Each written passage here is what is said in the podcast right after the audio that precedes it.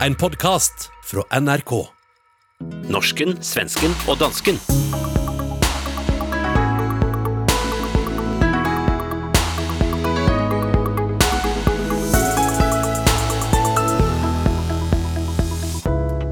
Er dansk politikk i ferd med at bli en norsk sketch?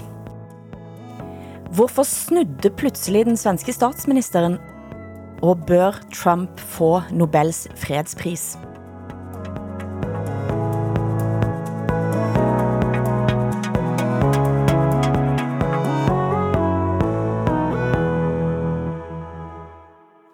Ukens time med panskandinavisk familieterapi är i sannhet både efterlängtad och nödvändig.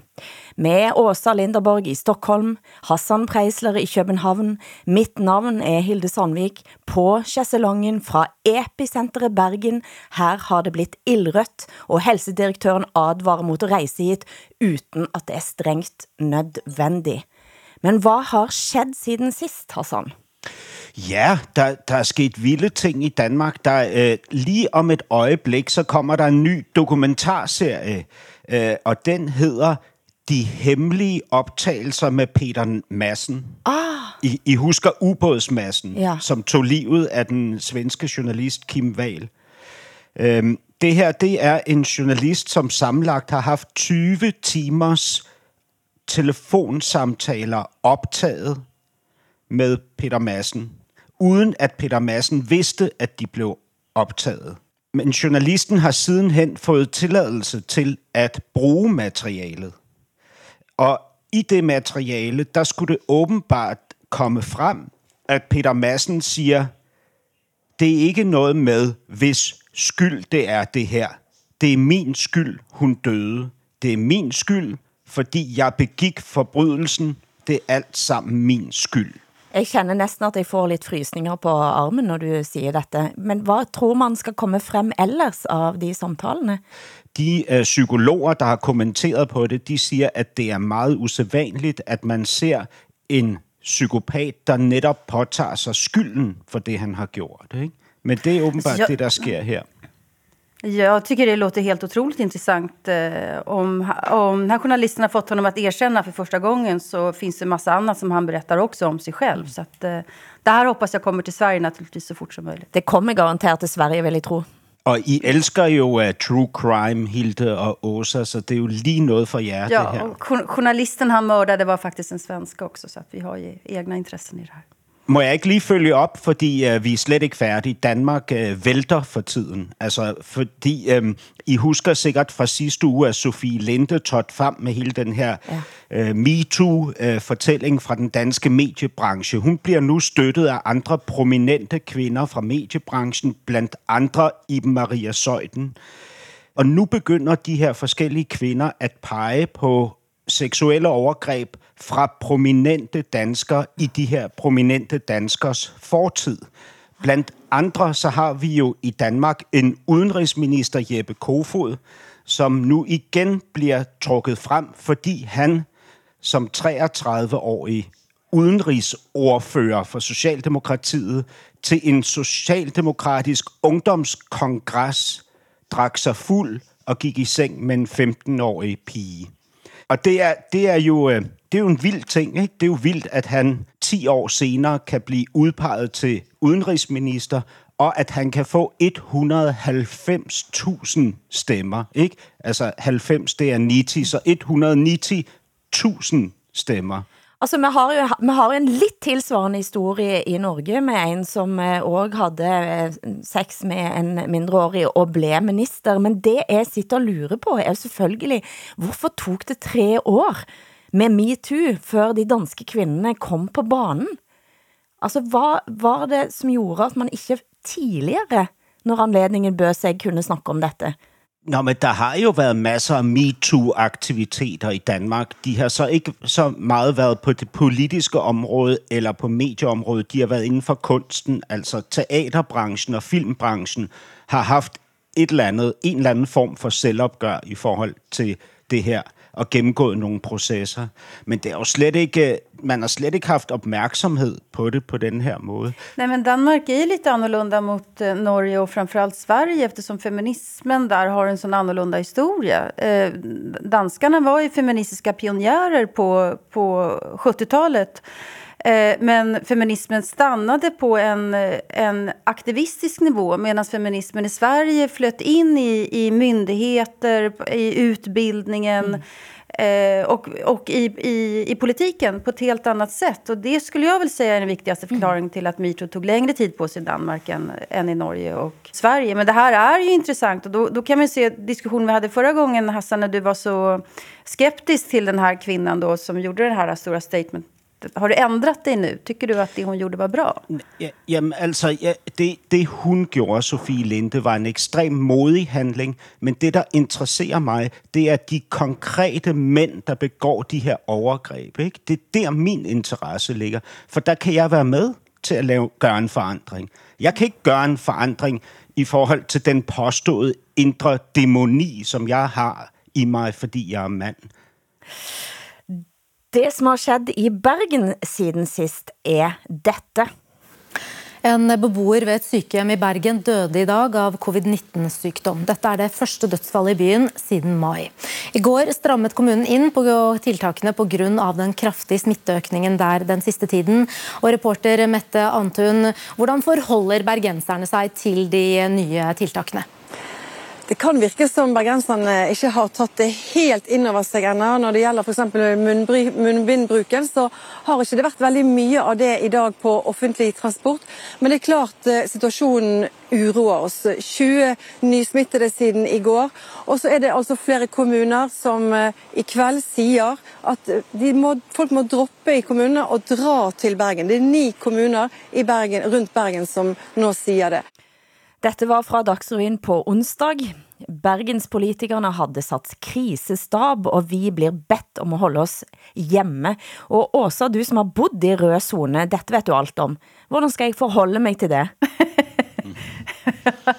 har jag bott i en röd zon? Det kanske jag har. Jag har glömt bort corona. Jag tänker inte på corona överhuvudtaget mer än när jag ser att siffrorna stiger i hela Europa och framförallt i Norge och Danmark. Det gör mig ledsen. Eh, jag, vill, jag vill resa iväg till er nu. Jag, jag tycker det är lite konstigt. I, I, Norge får man åka till och från Bergen. Men jag som svensk, där, vi, där smittan sjunker, jag får inte åka till, till Bergen. För nu är det ju faktiskt eh, svenskarna som eh, gotte sig. Hör på detta klippet hvor Thomas Ritter uppsummerar coronaläget på Nyhetsmorgon på TV4. Coronapandemin ska vi prata om också, för att eh, det finns rätt mycket att säga om den egentligen, alltid. Ja, ja hela tiden. Och mycket som sägs är egentligen negativt och det finns ju negativt eh, att sätta fokus på. Till exempel att smittalen i Europa går ju fortfarande upp till exempel. Trängseln har det pratats om här hemma i Sverige på bussar och, och tåg och så vidare. Men om vi ska se det stora hela är det faktiskt i Sverige väldigt få som dör just nu. Det var länge sedan vi hade en överdödlighet på grund av den här pandemin. Tvärtom ser det mesta faktiskt ganska bra ut just nu och har gjort en längre tid. Smittalen går ner. Det är faktiskt väldigt få som smittas i Sverige nu. Den här märkliga landskampen som pågår hörde vi ju igår att Danmark och Norge nu har högre smittal än Sverige. Ja, Vi husker jo at vi snakket om eh, skadefryd. Eh, Hassan, Upplever du nu den svenskene godte sig over oss? Altså, jeg, nu, nu siger Åsa, at hun er trist over, at det går, som det går i Danmark og Norge, men jeg kan jo godt mærke inde bag de ord, at der er en lille boblende fryd i Åsa. Jeg skrattar lite här faktiskt. Åsa, husk vad du sa. Du var trist. Dette høres ikke trist ut. Det, det lyder slet ikke trist, Åsa. Ja, men är det är ju tråkigt.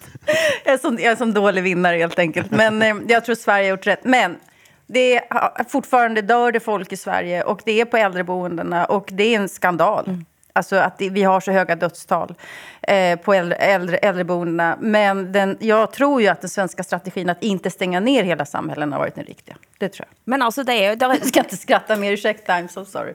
Men alltså, nu är det ju så att det till och med i utlandet så börjar att snacka om att kanske svenskarna gjorde rätt. Och, och, och jag måste ju igen fortälla att jag flera gånger har sagt att vi har inte faciten ännu, kanske Anders Tegnell har rätt Tror du det nå? Ja, jag trodde det från början och sen trodde jag det inte. Och nu börjar jag nog tro att Anders Tegnell och Sverige har gjort, har gjort rätt här. Men, Du är medgångssupporter. ja, jag är medgångssupporter och eh, för första gången. Det, eh, annars, du vet, om man är socialist och dessutom håller på Hammarby så är man aldrig medgångssupporter. Men nu är jag det den här gången. Men jag tycker att det här, är, det här är tråkigt att siffrorna stiger, för det är ju fortfarande ett reellt problem. Eh, hur ska man göra med samhällen som stänger ner igen och barn går inte i skolan och massarbetslösheten och alltihopa? Det ser jätteotäckt ut tycker jag. Ja, och, och, i Köpenhamn så får vi ju lov att besöka, eh, besöka där i det hela tatt, eh, Hassan. Det är besöksförbud. Du må ikke komme til København? Nej. Eller? Nej, okay. Ja, det ved jeg ikke. Men, men det er helt klart, at der er... Ifølge en svensk avis, som selvfølgelig rapporterer om dette med store bokstaver. Med stor fornøjelse. Vistelsesforbud. Åsa, tænker du ikke om, om, om de svensker, altså her repræsenteret i form af Åsa, at de har et meget øh, skizofrent forhold til deres statsepidemiolog? Altså, det skifter jo. Jo. jo fra stort had til stor kærlighed. Øh, ugen, ugenligt. Ikke? Det er nærmest som teenagebørn i forholdet til deres far. Det är riktigt. Men vad jag undrar är, Mette Fredriksson, eh, Fredriksen den här barnkören, hur kommer det att vara med henne här nu? Vilka, vilka sånger ska de sjunga till Mette Fredriksson nu när siffrorna stiger? Skulle jag vilja veta. Jo, men det kan jo aldrig Har du skrivit en låt kanske nu? Jamen, det kan jo aldrig være vores store leders skyld, Åsa. Det ved du. Det må være noget jag, andet. jag glömde bort. Ja. Vad dumt av mig att tänka så. Ja. Att det är ett demokratiskt problem. Där. ja, og jeg skal jo passe på, hvad jeg siger her. Jeg vil ikke, jeg vil ikke i en gulag-lejr i Nordjylland. Men, men må jeg, jeg vil gerne øh, må jeg sige noget, fordi der, altså, der er jo kommet en masse restriktioner i Danmark. Altså vores forsamlingsforbud er blevet sænket, og, og der, der er en værtshusene skal lukke tidligt, og vi, vi skal aflyse sociale arrangementer i skolerne, øh, og, og begynde at arbejde hjemme igen for en stor øh, dels vedkommende.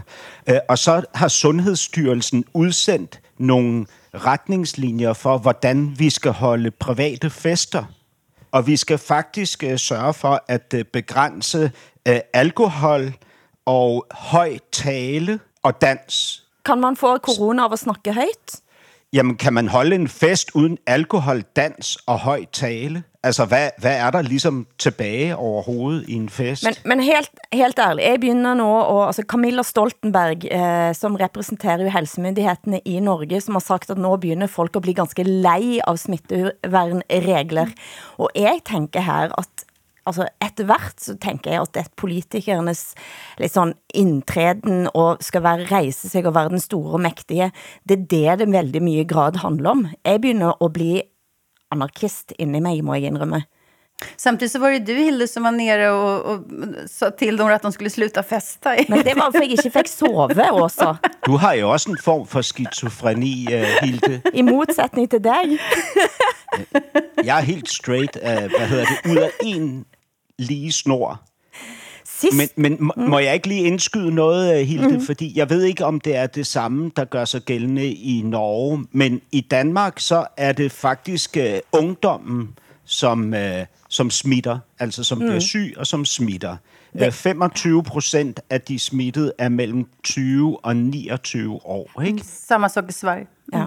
Og det, det synes jeg er øh, interessant og også problematisk, ikke? at denne her generation, som råber på ansvarlighed fra os ældre mennesker, ikke? at vi har svigtet vores ansvar, at vi ikke har kunnet øh, øh, eksistere med en form for mådehold, som vil gøre, at, at vi ikke belaster os selv og hinanden. Ikke? Det er den generation, som nu giver los ikke? på Bacardi Breezers og vanvidsfester. Ikke? Og jeg, jeg tror, at der ligger en form for ubevidst hævn i det her. Ikke? Jeg tror ikke, de sidder og drikker øl og tænker, nu slår jeg en gammel, en, en boomer ihjel. Jeg tror ikke, det er det, de tænker. Men ubevidst tror jeg, der er en, en hævn i det her. Ikke? Men hævn, altså tænk dig selv, strejke på skolen og gå på fest. What's not to like? Men det är väl det att alla unga människor alltid känner att de är odödliga. Så här har ju ungdomar alltid gjort. Ja, Det- og det er jo lige præcis derfor, at vi ikke skal lytte for meget til ungdommen. Og en stor global bevægelse skal aldrig få sig et 15-årigt ikon. Sist uke snakka vi om kriminelle klaner i Sverige også. Så kom helgen med veldig usvensk og krass melding fra politimyndighetene, som erkjenner at nå finns multikriminelle klaner i, i Sverige, som 40 slektsbaserte kriminelle nettverk, som har kommit till Sverige enbart med syfte att organisera och systematisera kriminalitet, blev det sagt. St statsminister Stefan Löfven blev intervjuad av Expressen TV och sa detta. Du har ju velat skilja på frågan om brottslighet och invandring, men om det kommer hit klaner för att begå brott, hänger inte de två frågorna ihop då? Jag säger att jag vill inte koppla ihop brottslighet med etnicitet eller vilken religion du tror på eller vilken hudfärg du har. Det är, det är för mig eh, helt felaktigt. Men invandring har med brottslighet att göra? En del, eh, om det är så att man kommer hit för det så är det, är det ju uppenbarligen så. Men det är inte så att det har kommit nu 40 klaner sista året eller sista två åren för att begå, begå brott i Sverige. Utan många har nu funnits här länge i så fall också och har då levt också i, i, eh, i den här skillnaden som vi har, den ojämlikhet som vi har i vårt land. Dette førte til en himla debatt, eh, og etter noen dager blev Stefan Löfven intervjuad igen och sa detta. Menar du att en stor migration leder till ökad kriminalitet? Om man har en migration som innebär i storleksordning att man inte klarar av integrationen, ja det är klart att då, då blir det så att vi får eh, sociala spänningar i vi samhälle. Och, det är, och det är inte bra. Ja, vi har haft det. Så vi har, eh, och det är därför eh, regeringen som jag leder har sett till att ändra migrationspolitiken. Men vi har haft en så stor migration att den har lett till att spä på kriminaliteten. Vi har haft en sån migration som innebär att man inte klarar integrationen mm. tillräckligt bra. Om det inte är tillräckligt många som kommer att arbeta av de vuxna, då ser barnen att eh, de vuxna inte är i arbetet. Då tror man kanske att det är det normala. Och, och andra sociala spänningar. Så det är, ja, det är ett problem. Och det är därför den regering jag leder la om migrationspolitiken så nu tar vi emot betydligt färre. Detta är alltså tolkat som om att han har snudd, men eh, vad är det som egentligen har skett också? Ja, så för första gången så har Stefan Löfven sagt att eh, en stor invandring hänger ihop med ökad kriminalitet därför att eh, vi inte lyckas med integrationen i meningen arbete och bostad och utbildning för alla människor som har kommit hit. Och det här är ju oerhört eh, dramatiskt för nu är egentligen alla i Sverige överens om det här utom de här romantiska antirasisterna som aldrig behöver bry sig om hur man bygger ett samhälle utan som bara liksom pratar om alla människors lika värde. Och eh, det här är, kommer ju skapa problem för honom i regeringen eftersom Miljöpartiet då tillhör dem som, som eh, inte riktigt har velat se den här kopplingen. Eh, jag funderar jättemycket på det här för att jag har ju själv förespråkat en generös invandring och skulle ju önska att jag fortfarande kunde göra det. Men, men man måste ju också bygga ett samhälle där alla har arbete och kan försörja sig. Jag tillhör också dem, och det hoppas jag att det fortfarande kommer att vara, som förespråkar en, en human, progressiv eh, kriminalpolitik. Men samtidigt, när jag ser alla de här skjutningarna och sprängningarna, då kan jag bli fruktansvärt primitiv och bara tycka, men lås in dem och kasta bort nyckeln. Känner jag. Och då är ändå det här brott som inte drabbar mig för att jag tillhör den välsituerade medelklassen. Jag bor i områden där sånt här inte sker. Så att om jag blir så här primitiv, då undrar jag hur, hur primitiv skulle inte min pappa blivit om han hade levt idag? Och I folkdjupet så tror jag att folk är riktigt jävla trötta på det här. Alltså det jag har stora problem med att förstå är varför man nu låter som att synes att det först nu det är något man är blivit klar över i Sverige. Og i flere tiår så er det stemmer som har forsøkt å advare politikerne. Jag jeg sitter med mitt eget lille arkiv med saker skrevet i flere tider. En av dem som har varslat er Per Brinkemo. Han har skrevet flere bøker, blant annet boken Mellom klan og stat, om blant annet hva som skjer når mennesker fra en klankultur møter verdens mest individualiserte majoritetsbefolkning. Hør han her på et klipp fra Nyhetsmorgen denne uken. Mm, nu ska vi prata mer om det här med klaner och klankultur tillsammans med Per Brinkemo. Du föreläser om detta och skrivit en bok i ämnet. Hur reagerar du på det Löving sa i helgen? Han var ju väldigt, väldigt tydlig. Det är man inte jättevan mm. vid att en eh, myndighetschef är. Eh, jag tycker det var bra med den tydligheten. Att det var så många, han sa minst 40. Ja. Det, det visste inte jag. Men hur fungerar de rent strukturellt? Man måste fatta att det här är en jättevanlig ordning i en stor del av världen, inte minst i de länder varifrån människor kommer hit som asylsökande. När stater inte funkar, det kanske inte ens finns en stat som i Somalia, då måste man söka skydd, trygghet, identitet, lösa konflikter och det gör man familjevis. Då behöver man en stor släkt. Men vi har varit så otroligt novisa kring detta. Liksom, vi läser in vårt egna i det andra runt om i världen. Sen kommer folk hit till världens mest individualistiska land. En del klarar ju den här övergången från klan till stat, så att säga. Det går alldeles utmärkt, men allt växande grupper eh, står alldeles för långt från samhället. Detta har Per Brinkemo sagt i en årrække och blivit beskyldt bland annat i din avis også för att vara rasist. I vilka ansvar har medierna för att denna situation har fått utveckla sig? Ja, i Sverige så springer medierna i flock. Eh, vi eh, springer på samma boll och vi har ungefär samma åsikt hela tiden. Så det tog väldigt lång tid för Per Brinkemo att, att bli respekterad för det han sa. Och, eh, det är ju intressant därför att mycket av det här bygger ju på forskning men också på ren empiri helt enkelt. Eh, och det som är det spännande i det här med att det är klart att ordet klan är ju känsligt. Eh, men, men... Eh, Varför är det känsligt? Nej, men därför att eh, det pekar ut hela familjer eller eh, det låter som något, något eh, väldigt, väldigt negativt. Men den här boken som Per Brinkemo har skrivit den visar ju också hur, hur, viktigt, viktigt det är med klaner helt enkelt för, för sammanhållning, för eh, liksom att, att hålla ihop i ett nytt samhälle där man faktiskt inte känner någon och så vidare. Men sen så finns ju här också en, ett, e, en egen eh, parallellt rättssystem och, och sådana saker. Och kommer man från ett land där inte staten har funnits överhuvudtaget så är ju familjen den enda tryggheten man har. Eh, och då löser man konflikter sinsemellan och sådär. Och de här familjerna som vi har i Sverige, de har ju dessutom familjer i andra länder som också lägger sig i hur, hur vissa konflikter här ska lösas. Det här är naturligtvis någonting som man inte kan blunda för. Den tiden är förbi. Nu blev der sagt i indslaget, at de her klaner kommer til øh, et af de mest individualiserede eller individualistiske lande i verden. Ja, det, det er jo sandt på, på et plan, men man kan også sige, at de kommer til et af de lande i verden, hvor man har størst øh, tillid og tilknytning til staten. Ikke? At det er her fællesskabet ligger. Og det synes jeg måske i virkeligheden er mere relevant. Altså, jeg, jeg har boet 5-6 år i Libanon, i, øh, i Libanons hovedstad Beirut, og jeg oplevede jo helt tæt på den her sekteriske, klankulturelle, familiebaserede samfundsstruktur. Ikke? Og når man kommer fra en, et land, som jeg kommer fra, hvor det er staten, der griber dig, når du falder, ikke? så føles det som om man lever, øh, ja, hvad skal jeg sammenligne det med, som, som om man lever i et land uden tyngdekraft. Ikke? Altså alt det, der holder en fast i verden, findes ikke længere. Ikke?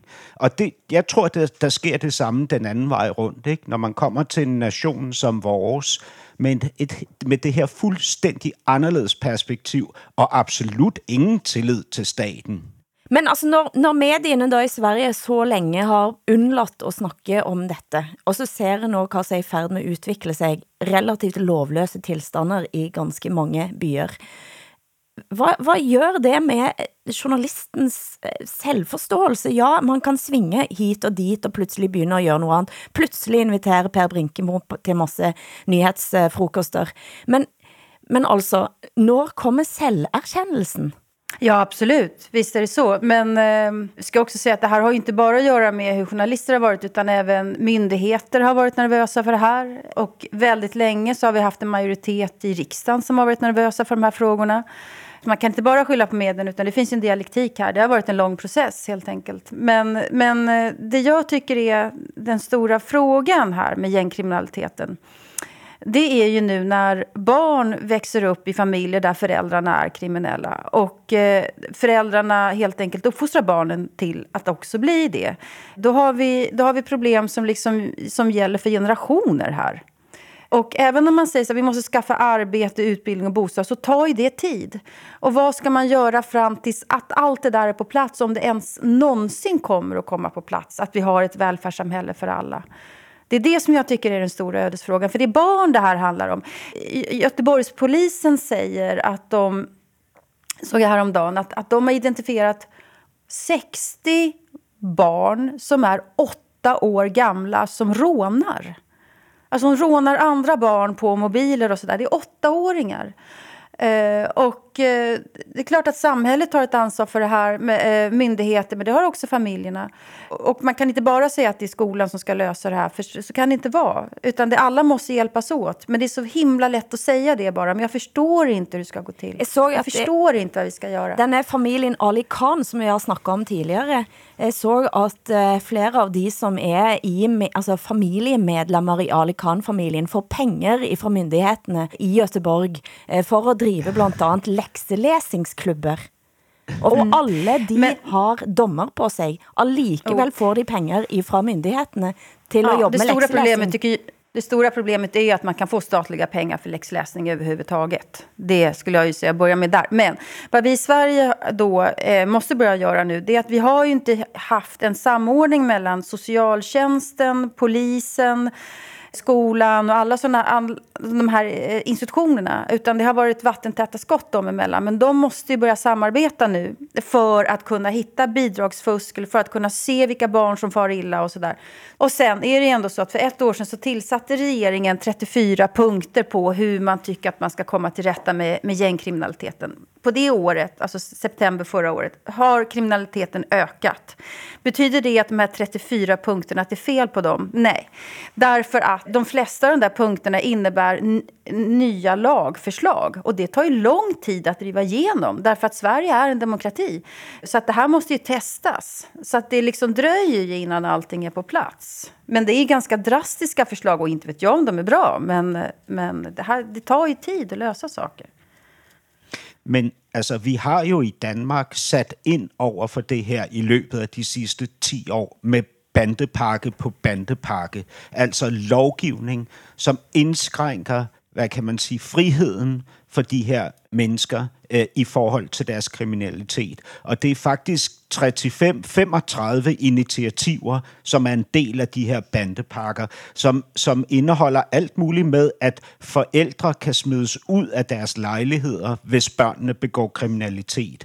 Der er et forbud mod bestemte bander. Jeg vil sige, jeg bor i et, i et kvarter, som er præget af bandekriminalitet. Og alle de her benhårde indsatser, de har gjort mit kvarter meget, meget bedre at være i för alla dem, der inte är involverade i bandekriminalitet. Det förstår jag också. Och I Sverige så, så pratar ju eh, politikerna nu om att vi måste titta på hur de gör i Danmark och hur de löser det. Jag tror att vissa saker som ni har där, alltså vad fan vet jag, jag är inte polis, men, men kanske visit, visitationszoner till exempel, kanske skulle vara någonting. Men att man ska kunna vräka, kasta ut föräldrar från en lägenhet för att barnen har varit kriminella, det är fullständigt inhumant. Alltså de här föräldrarna kanske inte har en aning om vad barnen gör. Då ska man kasta ut dem på gatan. Alltså det, så kan man inte, det är fruktansvärt brutalt. Men alltså detta är ju klassiskt också, att när danskarna ja. kommer med denna typ av harde åtgärder, som det kallas i mm. Sverige, eh, så blir man mm. alltså kallad för rasist. Alltså detta är en understreking av att danskarna är så rasistiska. Men jag sa inte det, Hilde. Jag sa inte... Nej, du sa Nej. inte det, men jag har sett denna typ av diskussioner fört i Sverige om Danmark.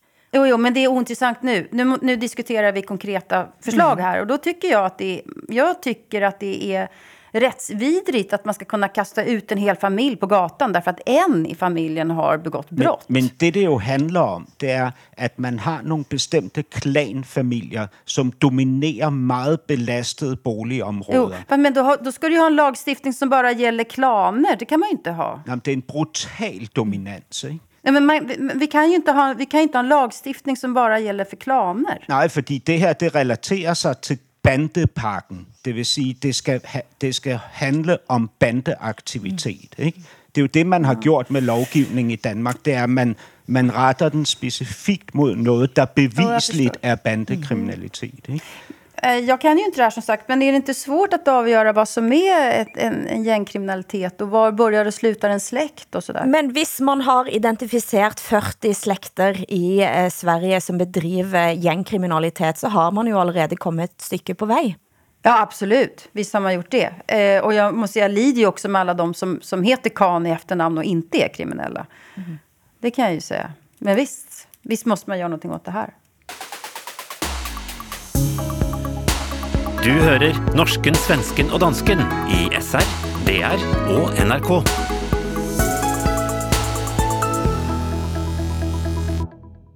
I Danmark är folketingsmedlemmarna i en skvis efter att denna saken kom upp igen. I sidste uge var historien jo, at den såkaldte Styrelse for Patientsikkerhed havde nedsat en arbejdsgruppe, der skulle lave regler for rituel omskæring, og at alle de lægefaglige medlemmer var udvandret fra arbejdsgruppen, fordi øh, styrelsens udkast til regler øh, er lægeligt uforsvarlige. I denne her uge skete der så to ting. Det ene var, at en masse nyhedsmedier prøvede at få kommentarer til historien fra landets politikere, men øh, det kunne man ikke. Alle politikere var som sunket i jorden. Ingen ville røre forhuden med en ildtang, om man så må sige. Undtagen det nye partis fremads eneste medlem i Folketinget, nemlig afhopperen øh, Simon Emil Amitsbille Bølle et eller andet. Han har nu fremsat et beslutningsforslag, der tvinger Folketinget til at behandle det borgerforslag om forbud mod rituel omskæring af mindreårige, som Folketinget har syltet i to år. For som man siger... Jeg anerkender til fulde, at her er et skisma mellem tradition og religion og modernitet. Det er måske meget naturligt, det sker her i Norden, hvor man har mere fokus på det enkelte menneske. Det var også her, at øh, man øh, startede med at sige, at man øh, forbød at slå sine børn. Det var også her, at man startede med at sige, at homoseksuelle kunne få registreret partnerskab. Moderniteten er måske lidt mere fremme i vores del af verden end så mange andre steder. Her gav altså Baklok på DR en kort indføring i saken omskæring av gutter. Til slut hørte vi talsmann for det nye partiet Fremad, Simon Emil Amitsbøl Bille. Dette blir altså heftig debattert, eh, Hassan, og i klippet så siges det at politikerne er som sunket i jorden. Er de fortsat der nede, Hassan? Ja, altså 123 ud af 179, 107-9 medlemmer af parlamentet øh, vil slet ikke for, forholde sig til det her lovforslag. Ikke? Det er jo ret bemærkelsesværdigt, når man så samtidig kan se, at 86 procent af danskerne mener, 86. at omske 86 procent af, øh, af danskerne mener, at omskæring af drenge under 18 år bør forbydes. Mm. Altså, øh, for mig, for mig jeg, jeg har altid været en stor tilhænger af et forbud. Og jeg, jeg må simpelthen sige, at jeg, jeg, altså jeg, sådan har jeg det ikke længere. Jeg er meget i tvivl. Jeg, jeg ved ikke, hvilket ben jeg skal stå på. Mm. Øh, og det er, en, det er en ret besynderlig øh, fornemmelse at have. Lederen i Weekendavisen eh, sa om Danmark att det kan bli känt som det mest jødefientlige landet i världen om detta forbudet går igenom. Är det en av grunderna till att det blir så betent att folk eh, stikker av, gjemmer sig, när denne saken kommer upp? Ja, altså det, det er meget komplekst. Ikke? Der er mange ting, der gør, at det her er besværligt. En af tingene er jo, at det både involverer jøder og muslimer. Hvis det kun var den ene gruppe, ville det være lettere for nogen at tilslutte sig et forbud end for andre. Ikke? Det, det, det vil jeg tro. For mig, der handler det om, om, øh, om noget, igen noget med frihed. Ikke? Altså, hvor, hvor kraftigt et forhold skal jeg som menneske have til andre menneskers traditioner og vaner og forhold, så længe de ikke er skadelige. Ikke? Det, det är liksom där min gräns går. Min gräns går vid barn. Eh, det, det är inte människor bara vi pratar om, utan det är barn som inte bestämmer det här själva. Det är det det handlar om. Och tycker vi att det är fel med omskärelse av, av flickor så, så, så måste vi nog säga att det är problem för pojkar med. Det är frisk vävnad som man skär bort, som de inte har bett om. Och det påverkar könsorganet, det påverkar eh, när man har sex. Jag vet, för jag har levt med en omskuren man.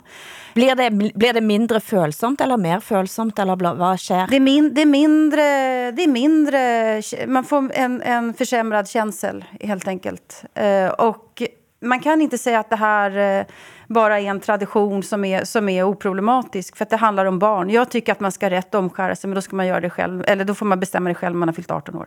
Men, men det vi jo så, så lægger vi jo barnet fra forældrene over i staten, ikke? Mm. Så det er staten, der skal varetage barnets tag og ikke forældrene. Ikke? Vi taler om, om retten til sin egen krop, og vi taler om, hvorvidt det er skadeligt eller ikke skadeligt. Ikke? Altså, der findes jo øh, i verden over en milliard mænd, som er omskårne. Ikke? Absolut, och alla män i New York är omskurna alltihopa, jag vet. 70-80 procent amerikanske män.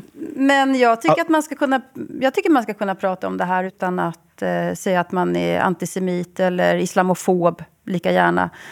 Eh, det här handlar om, det handlar om barn och det är ett ingrepp på en kropp. Men- Och, det får, och det får konsekvenser. Eh, vad som också har ökat är ju då de som kommer in på sjukhus med komplikationer därför att man gör den här omskärelsen hemma, privat. Och det skulle jag säga är det enda argumentet för, för mig för att man ska fortsätta tillåta omskärelse. Men jag tycker inte att det är lätt beslut. Det var en sak i Gävle eh, i Sverige i år, tidigare i år, en man som hade omskåret fem, nio barn med loddepistol. Vad är loddepistol för något? En, eh, en som du smälte metall med. Åh herregud, men han måste ju ha blivit dömd för barnmisshandel. Han, han blev dømt. Han blev Men, dømt. men, men, men det er jo netop det, altså, fordi hvis vi bevæger os derud, hvor vi indfører et forbud, ikke, med en straf, som, som jeg tror skal være øh, seks år i fængsel, ikke, for at indføre, øh, udføre det her indgreb, ikke, så tvinger vi jo, eller så vil der jo ske det, at forældre vil vælge at få omskåret deres børn på mm. alternative måder. Og de alternative måder, de er jo ikke sådan, som vi ønsker, de skal være. Absolut, och det skulle också göra att barn inte vågar visa sig nakna i omklädningsrum på idrotten därför att eh, de är plötsligt omskurna och sen så kan det liksom komma bli polissak av det för föräldrarna och så här. Ja. Så visst är det här komplicerat, men jag tycker att om ni i Danmark kan diskutera om man ska förbjuda slöja på barn så kan man faktiskt diskutera det här också. Naturligvis kan man diskutere er det, men mulig. Det har jo vært en stor debatt i, i Norge òg. Og jeg, for noen år siden så posta jeg bare et eh, spørsmål på Facebook, min egen vegg, fordi jeg, akkurat som Hassan, kjenner meg sånn i tvil. Eh, og, og det var en helt åpent spørsmål. Please inform me. For- og motargumenter for omskjæring. Eh, og det kom altså 410 kommentarer, masse forskningsbelegg, masse diskussioner, masse menn som var omskårne, mange menn som ikke var omskårne, og som mente sterkt. Eh, noen var for og var omskårne, og, vice versa. Og det säger meg också at denne, denne saken er, jeg mener at for eksempel sammenligne det med kvinne, jente, omskjæring av jenter er, er ganske vanskelig. Det er et helt annet type indgrep. Og en, en professor i etikk, eh, Ole Fritjof Norheim, eh, som eh, skrev eh, i Tidsskrift for Legeforening, at ja, men altså, man tar Eh, han sammenligner det litt med å sette hull i ørene på barn også. Altså, det finns mange indgrep, små og store, man kan gjøre på et, på et barn, som man heller ikke forbyr. Eh, Var han omskuren själv, den läkaren som sa det? Han var ikke det, men det var også lækere på den tråden min som var omskårne, eh, og som Ja, ja, argumenterte for og mot, og, og, og lege, altså le, legevitenskapen er jo også ganske splitter. jeg tror nok, undersøgelserne globalt set viser, at småbørn, der bliver omskåret, lever uden konsekvenser. Ikke? Sådan tror jeg, det er. Det, det, man, Jag, bur- fattar ändå inte varför man ska skära i barns underliv. Jag förstår det inte. Nej, men, men, men er men- spørgsmålet så, Åsa, om, vi, om du og jeg ikke forstår det, fordi vi ikke er Mm. religiøse mennesker, måske fordi vi endda er ret antireligiøse, ikke? Mm, nej, men det här handlar om att jag, jag, jag är inte kulturrelativist. Det finns saker som jag faktiskt tycker är dåliga i andra kulturer. Och det här är en sån sak som jag tycker är, som jag tycker är dålig. Även om jag kan förstå varför det historiskt sett har uppkommit omskärelse. Det kan jag också fatta. En bizarr rettssak starter i Norge denne uken. Samboeren til tidligere norsk justisminister Tor Mikkel Wara sitter på tiltalebenken. Denne saken har så mange vendinger at vi har fundet et klipp fra NRK Nyhetsmorgen denne uken som gir en rask oppsummering. Torsdag 6. desember 2018. Politiet startet umiddelbart etterforskning av trusler mot myndighetspersoner da det ble kjent at det var tagget på både huset og bilen til justisministeren. Dette var den første rapporten i Dagsrevyen etter at det ble gjort hærverk på boligen og bilen til den tidligere justisministeren Tor Mikkel Wara fra Fremskrittspartiet. Et hakekors og ordet rasist ble tagget på bilen hans. Det var også skrevet rasisit på husveggen. Jeg er satt til å gjøre en eh, jobb for regjeringen og en jobb på vegne av demokratiet, og da er dette et angrep på demokratiet. Samme måned politianmeldte Varas samboer Laila Anita Bertheussen teaterstykket Ways of Seeing. Forestillingen viste video og bilder av boligene til en rekke politikere, blant annet parets hjem. Anmeldelsen ble henlagt, og Riksadvokaten avviste til slutt klagen fra Bertheussen. Mars året etter. PST har i dag siktet justisministerens samboer Laila Anita Bertheussen for å ha foretatt noe som vekker mistanke om at en straffbar handling er begått, uten at den er det. To uker senere trakk justisministeren seg. Beslutningen kommer fordi det er noen som trenger meg mer enn regjeringen. Denne rettssaken er i sig selv blitt et slags kostymedrama. Hver dag nå i rettssaken så dukker Leila Anita Bertheussen opp med en ny väska. I går hadde hun Feminist ja visst. Kan virke nästan som att detta är en fortsättelse av teaterstykket Ways of Seeing, men vem som har regin är uklart. Åsa, har det varit tillsvarande saker i Sverige? Förstod forstod, forstod du denna uppsummeringen? Ja, alltså för, för svenska lyssnare då så är det alltså en hustru till en... en Justisminister var han. En politiker i, i Fremskrittspartiet som har fejkat ett hot. Eller det är det hon i alla fall står tilltalt för. Ja, just det. Hon är tilltalad för det. Hon har bränt upp bilen och sådär. Mm. Och så säger hon att det, antar jag då att det är antirasister eller vänstern som hotar henne, antar jag väl då. Ja, för det, det var de, alltså Ways of Seeing var en föreställning där man brukte eh, bilder ifrån utanför huset eh, deras Altså det var en politisk, ja. väldigt politisk eh, teaterstycke. Ja. ja. Vi har haft både en sverigedemokratisk politiker som har hittat på ett hot Eh, och sagt att det var vänsterextremister. Han eh, skar sig själv i pannan har jag för mig. Ett, ett hakkors tror jag han gjorde eller någonting sånt där. Och påstod att det var andra som hade gjort det. Och en konstnär, en vän, vänstersinnad konstnär som skar sönder sin egen konst. Och så sa hon att det var rasister som hade gjort det. Så, så att det här sker på båda sidor. Jag blir väldigt upprörd därför att det finns ju det finns konstnärer, politiker, journalister som faktiskt lever under med en riktig hotbild. Och det gäller faktiskt även eh, politiker inom Fremskrittspartiet eh, och eh, inom Sverigedemokraterna, de blir inte trodda i värsta fall. Det här gör ju liksom, varför ska man tro på den och den och den och den? Därför att man vet att de bara ljuger och hittar på. Så att det, det är ganska allvarligt faktiskt att göra så här, för det skadar alla andra som, som faktiskt lever med en hotbild. Jag har ju själv gjort det under en period och det får man fan ta på allvar. Hassan? Jamen, ja, altså, øh, det er jo helt vildt pinligt at sige det her, ikke? Men på et tidspunkt, hvor jeg lavede øhm, øh, nogle teaterforestillinger, som var kontroversielle. Jeg lavede en cabaret, der hed Perker Cabaret på svensk, vil det hedde Blotter Cabaret. Blot, blottar cabaret? Nej, blatter. Nej, blatter. Blatter. Blatte cabaret. Har du gjort den i Sverige? Nej, nej, den lavede jeg i Danmark. Det kunne aldrig gått i Sverige også. det, det kommer ikke til at ske i Sverige. Øh, og så vil jeg opsætte de sataniske vers efterfølgende på det kongelige teater, og der begyndte at komme trusler mod mig. Og det var, det var sådan en historie, jeg egentlig startede med at fortælle, uden at ville dyrke den, men så opdagede jeg, at jeg fik ekstremt meget opmærksomhed omkring det, at jeg havde fået de her trusler. Og det blev faktisk sådan, at nogle af de e-mails og beskeder på Messenger og på min telefon, som jeg fik ind i den periode, dem begyndte jeg at læse som trusler, uden at de var det. Og jeg begyndte oven i købet at digte små historier om Sikkerhedspolitiet, som havde været på besøg i min lejlighed på det tidspunkt. Og det havde de ikke. De havde kun været på besøg på det teater, hvor jeg arbejdede. Ikke? Og sådan der, sådan der udviklede de der historier. Ej, var det, det er så pinligt at fortælle om det her. Ikke? Ja. En av de navnene som figurerer hyppig i rättssakerna her er Ingvild Smines Tybring-Gjedde, som også den gangen var statssekretær. Hennes man, Christian Tybring-Gjedde, sitter nå på Stortinget for Fremskrittspartiet. Han har gjort sig bemærket denne uken med at nominere Trump til Nobels fredspris, og her er han intervjuet på Fox News. This is the Fox News Rundown. Wednesday, September 9th, 2020. I'm John Decker. A Norwegian lawmaker is nominating President Trump for a Nobel Peace Prize for the historic peace agreement between Israel and the UAE. It's a tremendous effort, and it could be uh, to inspiration for other Arab nations to make peace with Israel. Ja, vad tror dere har eh, Trump en chance?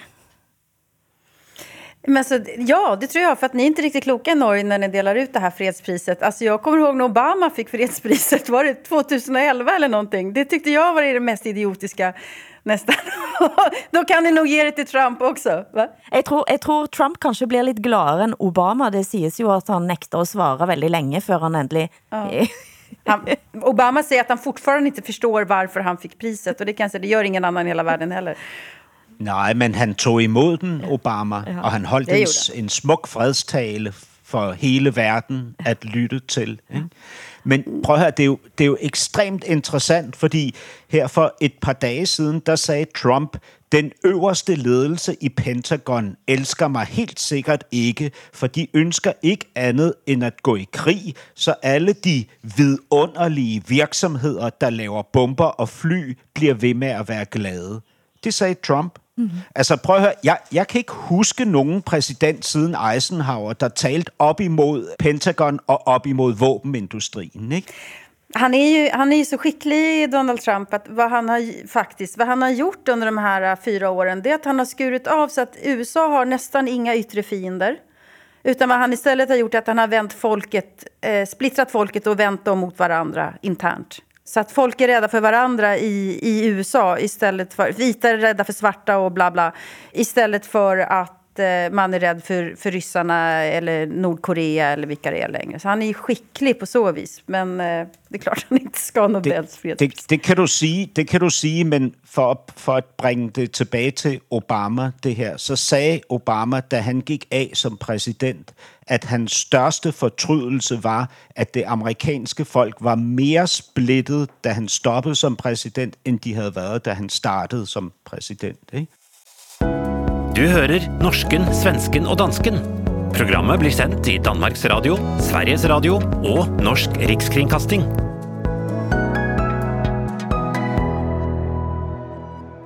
Når jeg så på alle de partiene som var på det danske valget i går, så jeg syns det virka veldig useriøst og unødvendig å ha så mange partier. La oss se på den, eh, alle de partiene som var. Ikke sant? Og Sosialdemokratene, Radikale Venstre, Venstre, Konservativt Folkeparti, Sosialistisk Folkeparti. Det er greit. Men så mener jeg noen som de burde slått sammen. Det er Lille Venstre, Knøde Venstre. Sammen det Lillepult Venstre, som det kan være. La oss si videre. Bitte lille til venstre for Folkeparti Venstre. Fri Venstre. Og så dette her også. Showtime Venstre. Dette klippet fra 1998 er en kjent norsk sketsj fra humorprogrammet Åpen Post, og denne uken så ble den enda sannere. Hør her fra P3 Morgen på DR om du klarer å høre forskjell fra den norske sketchen. Men Bjarne, altså nu, hvis man kigger over mod venstrefløjen, så er der allerede SF, der er enhedslisten, Alternativet, Veganerpartiet, altså også spillet klar, og nu også Frie Grønne. Og øh, det kan jo godt måske lyde lidt som om, det er Alternativet 2,0. Tror du, der er plads til alle her?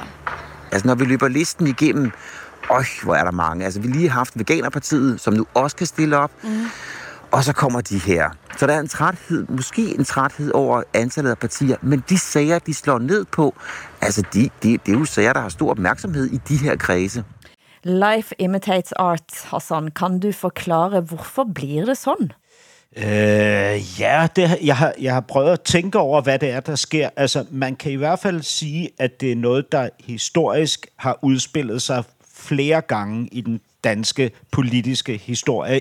Alene i den tid, jeg har levet, der har vi haft fire bølger af mægtig mange partier. Og det, man kan sige, det er, at det, det, der er fælles for bølgerne, det er, at de hver gang fokuserer omkring noget, der er meget populært i tiden. Ikke? Den første bølge, det var, som jeg husker, det var øh, en hel masse små partier omkring den yderste venstrefløj. Altså marxister, marxister, leninister, øh, Dansk Socialistisk Arbejderparti, Kommunistisk Arbejderparti, DKP osv. Ikke? Den næste bølge var ligesom den antikommunistiske bølge, hvor der opstod sådan nogle partier på den på den på højrefløjen, ikke? Øh, og, og tredje bølge var de flygtninge og indvandrerkritiske partier, som vi jo stadig har en del af i Danmark, øh, og der er stor konkurrence også ude på den yderste højrefløj om at, øh, at sidde på magten der, ikke? og på narrativet. Og så er der så den fjerde bølge her, og det, de centrerer sig omkring de her partier, der hvor de kæmper øh, om at være de mest populære, det er på klimaområdet. Men hvorfor trenger man mange partier, når det er populære saker? Man skulle jo tro, at da kunne de klumpe sig sammen på et parti. Ja, hvorfor er det sådan? Det, det kan jeg faktisk ikke helt gennemskue, men for mig, hvis jeg, hvis jeg var en del af det, så ville det jo handle om, at jeg måske er et parti med en leder, som jeg synes er en, er en måske lidt inkompetent leder. Jeg vil hellere selv være leder, så jeg laver mit eget parti ved siden af. Ikke? Og, og så bliver jeg lidt mere fundamentalistisk. Og så hvad er din uh, vurdering av dette? Men alltså, i Danmark så har man ju bara 2% spärr för att komma in i, i, i Folketinget, heter det va? I Sverige är det 4, i Norge är det 3,9. 4 procent. Mm. Ja, precis. Men sen är det väl, jag tror att man är lite mer individualistisk i Danmark när det gäller politiska frågor och så kanske. I, i Danmark? Ja, alltså, alltså man har inte lika samma stora starka folkrörelser som vi har haft i Sverige som liksom har bildat partier från början. Nogle gange så tänk... Jag vet inte, jag hittar på här, jag har ingen aning. Indimellem så tænker man i Danmark, at man skulle have 179 partier i parlamentet. Ikke? Altså et per parlamentsmedlem. Det synes jeg faktisk ville være vidunderligt. Vad ska till för att starta parti i Sverige också? Ingenting. Du behöver inte ha några underskrifter eller någonting. Du kan registrera ditt, jag kan registrera ett eget parti här nu om jag vill. Kan vi laga ett eget parti jag... samman? ja, det kan vi göra. Vi tre kan bilda ett parti. Det vill passa bra in i Danmark, tror ska jag. Vi ska bara komma överens om det här med omskärelsen först. Ja, ja, ja, ja, och så ska vi besluta vem som ska vara partiledare. Ja, det vill inte jag vara i alla fall. Kanske. Vill du inte det? Nej, jag är ju partiledare, det säger sig själv. Ja, det tycker jag också. Det var en dum fråga. Ja. Alltså. Jeg synes, det skal være vores producer Henrik, som er partileder. Han er spindoktor. Danske landslagsspillere knæler for Black Lives Matter eller mot rasisme før kampene. Dette har ført til debatt. Her fra BT's podcast Fotboll FM. Vi kan se dem protestere mod racisme og alle de her ting, og knæle og så videre, men der er jo intet på spil for en fodboldspiller ved at gøre det, det, det altså økonomisk. Ja, det er lige det, jeg skulle til at sige. Det er en gratis omgang. Øh, hvorimod, hvis man, hvis man boykotter øh, et, et VM, så handler det både om ens egen pris, hvor meget, hvor meget man koster, i forhold til, hvis man gør det godt øh, til et VM. Øh, ens pris stiger, hvis man er med i et VM, øh, og dermed også øh, lønposerne. Øh, og derfor så har det langt større konsekvenser øh, at blive væk fra et, fra et VM i Katar. Øh, jeg ved, vi egentlig måske skulle have snakket lidt om, om, om den etiske debat, der var ved, de overhovedet knælede. Jeg synes egentlig, vil jeg gerne lægge et par enkelte ord til det. Jeg synes egentlig, at man skal, nu kan jeg godt forstå budskabet her med, at, at, at spillere tager stilling til flere og flere ting. Øhm, og det havde set dumt ud, hvis Belgien var knælet, og Danmark ikke havde gjort det. Det sender også et andet øh, signal. Men jeg mener, det er noget, noget råd at blande øh, sport og politik øh, sammen på den her måde. Hvordan bliver dette taget imod i Danmark eh, og sådan? Altså man, man kan jo næsten på forhånd regne ud, hvem som synes, det er fantastisk, og hvem som synes, det er foragteligt, at man gør det her. Ikke? Altså, jeg, jeg, jeg synes jo, altså de der uh, statements blandet ind i sport, de bliver så, uh, altså det, det bliver på en måde så besværligt, fordi man tænker jo netop, øh, hvordan kan Danmark så tage til VM i Katar, ikke? hvis Danmark er modstander af racisme og over, overgreb. Ikke? Altså, fordi det er jo det, som debatten går på nu, det er, at der har været politikere fremme og kritisere de her øh, landsholdsspillere for at knæle, og DBU, Dansk Boldspilunion. Og svaret tilbage er så kommet, at det her er ikke en politiseret handling, det er, en, det er noget humanitært, ikke? Men, men hvilke handlinger er så øh, humanitære nok til, at vi skal knæle for dem? Altså, hvad med sult og tortur og fattigdom, dødsstraf? Hvorfor, hvorfor skal vi vælge et emne og ikke et andet at knæle for? Ikke? Og hvordan kan vi tage til Katar om to år og spille VM, når vi ved, hvad de udsætter deres immigranter og deres egne medborgere for i det land? Ikke? Jag är väldigt kluven till det här. För på, å ena sidan så tycker jag att alla antirasistiska manifestationer är viktiga. Mm. Um, samtidigt som jag naturligtvis håller med dig Hassan att det, det behöver inte utesluta att man inte också kan kritisera hur Qatar fungerar. Men det här handlar inte bara om att man visar ett antirasistiskt engagemang. Man visar också stöd för en särskild organisation, nämligen Black Lives Matter. Och det tycker jag är nog lite mer problematiskt. Mm. Helt klart. Eh, där, därför att jag i alla fall vet för lite och jag ställer inte upp på den här idén om att man ska välta alla statyer som för stunden uppfattas som, som rasistiska. Det finns representanter för Black Lives Matter som är emot rasblandade äktenskap. Så det finns väldigt konservativa inslag också också i Black Lives Matter. Men sen så finns det saker som jag naturligtvis tycker är jätteviktiga också. Så det är väl, det är väl min kluvnad i detta. Men alltså det, är ju, det, det visar sig ju också att fotboll kan virke. Alltså det är en studie i, fra Liverpool eh, som viser at Sala som en person har halvert muslimhatet i Liverpool. Altså det, Det er det sier noe om at det har ja. en enorm signaleffekt. Absolut. Ja. Absolut. Men det, det er jo ikke, fordi han laver politisk aktivisme. det, netop. det, er fordi, det er fordi, han er muslim, og mm. han er en fantastisk fodboldspiller. Mm. Men hvordan står det til med landslagene ellers om dagen? Norge vant jo faktisk mot Nord-Irland. Vi må, vi må telle de sejrene vi får. Hvor det, det, det gik ikke så bra da Ronaldo var på en liten visit her også. Nej, det var jobbigt. Men min son som är fotograf tog ett fantastiskt foto på Ronaldo. Det måste jag ändå säga att eh, det var en viss seger för familjen. Men det, det var ingen vidare match, nej. Svensk dödare än Ronaldo. Usch. Hassan? Øh, jamen, altså, det, det forholder sig sådan, at, øh, at jeg er øh, søn af en overklasse pakistaner, så jeg følger ikke med i Hvordan følger går med cricket? I, jeg følger med i cricket. ikke? Øh, jeg vil sige, at det danske cricketlandshold har aldrig klaret sig godt, og kommer heller aldrig til at klare sig godt. Det blir näst siste ord i ukens sending. Producent har vært Henrik Hylland Ulving. Takk til Åsa Linderborg.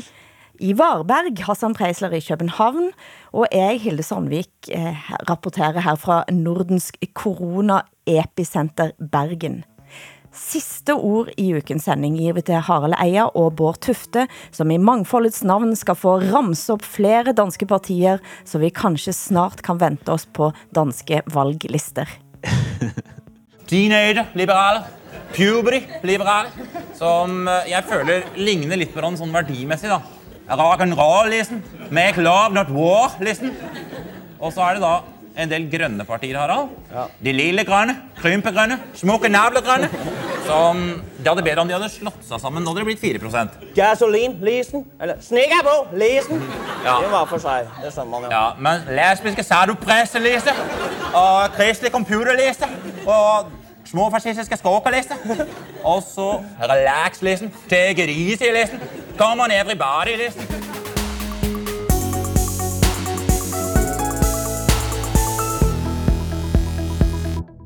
Du har hørt en podcast fra NRK. Hør flere podcaster og din favorittkanal i appen NRK Radio.